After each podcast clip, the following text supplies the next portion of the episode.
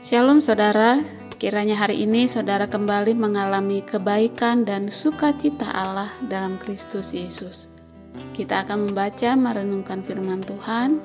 Mari kita berdoa. Ya Tuhan, ini kami anak-anakmu yang kau lindungi senantiasa dari yang jahat.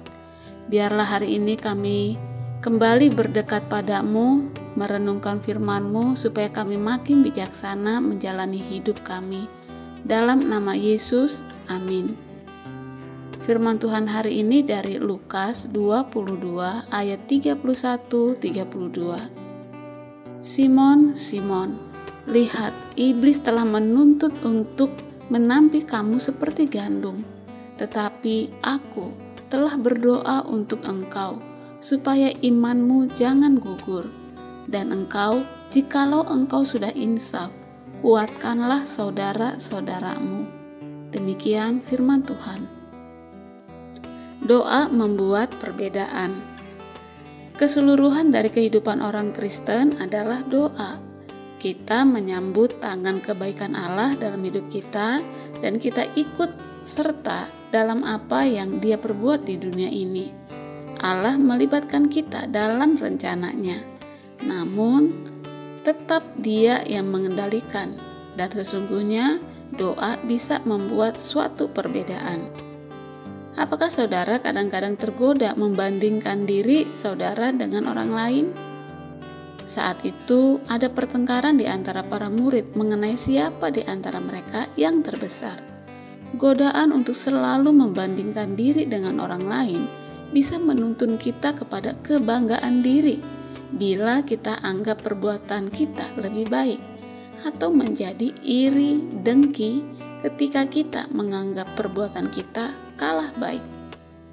Tuhan Yesus mengemukakan bahwa nilai-nilai kerajaan adalah kebalikan dari dunia. Raja-raja bangsa-bangsa memerintah rakyat mereka dan orang-orang yang menjalankan kuasa atas mereka disebut pelindung-pelindung. Tetapi kamu tidaklah demikian melainkan yang terbesar di antara kamu hendaklah menjadi sebagai yang paling muda dan memimpin sebagai pelayan, sama seperti aku yang ada di tengah-tengah kamu sebagai pelayan. Dalam peristiwa yang diperankan orang-orang dalam Alkitab, kita melihat bahwa ada takdir yang Allah telah rencanakan segalanya sebelumnya, dan ada pula kehendak bebas dalam renungan ini kita melihat tiga contoh bagaimana perbedaan ini dijalankan dalam praktiknya. Yang pertama, Yudas. Kita melihat di sini gambaran bagaimana kejahatan bekerja. Tidak ada yang kebal akan godaan. Yudas adalah salah satu dari kedua belas murid yang terpilih, namun setan merasukinya. Yesus berkata bahwa itu semua telah dinubuatkan dan telah ditakdirkan. Sebab anak manusia memang akan pergi seperti yang telah ditetapkan.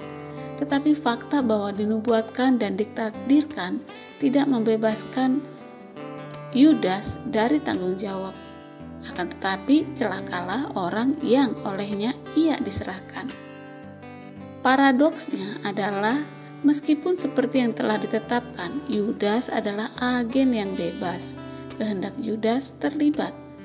Ketika dia ditawari uang untuk mengkhianati Yesus, Yudas menyetujuinya, dan mulai dari waktu itu dia mencari kesempatan yang baik untuk menyerahkan Yesus. Yang kedua, Simon Petrus. Setan yang sama merasuki Yudas ingin menampi Petrus seperti gandum. Petrus yakin bahwa dia tidak akan mengecewakan Yesus. Tuhan, aku bersedia masuk penjara dan mati bersama-sama dengan Engkau. Yesus tahu Petrus akan gagal, namun pada akhirnya imannya tidak gagal. Yesus berkata, "Tetapi aku telah berdoa untuk engkau supaya imanmu jangan gugur." Ini menunjukkan bahwa di tengah paradoks antara takdir dan kehendak bebas itu, doa mempunyai perbedaan.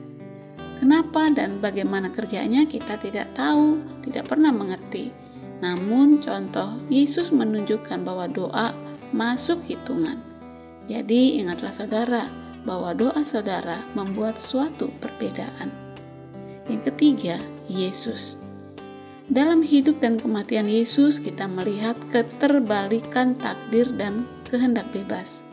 Yesus berkata, "Sebagai anak manusia, memang akan pergi seperti yang telah ditetapkan." Tidak ada pernyataan yang lebih kuat bahwa kematian Yesus telah direncanakan sebelumnya. Dia memilih untuk mati. Dia memberikan tubuhnya pada kita. Di sini kita bisa melihat keseimbangan antara bagian Allah dan bagian kita kita diingatkan setiap kali kita mengadakan perjamuan. Yesus berkata, "Inilah tubuhku yang diserahkan bagi kamu." Cawan ini adalah perjanjian baru oleh darahku yang ditumpahkan bagi kamu. Bagian Yesus adalah bagian tersulit, pengorbanan hidupnya bagi kita. Sedangkan bagian kita adalah sederhana.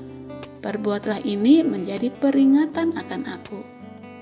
Saudara membaca dan merenungkan bagaimana Tuhan Yesus sungguh-sungguh mendoakan kita.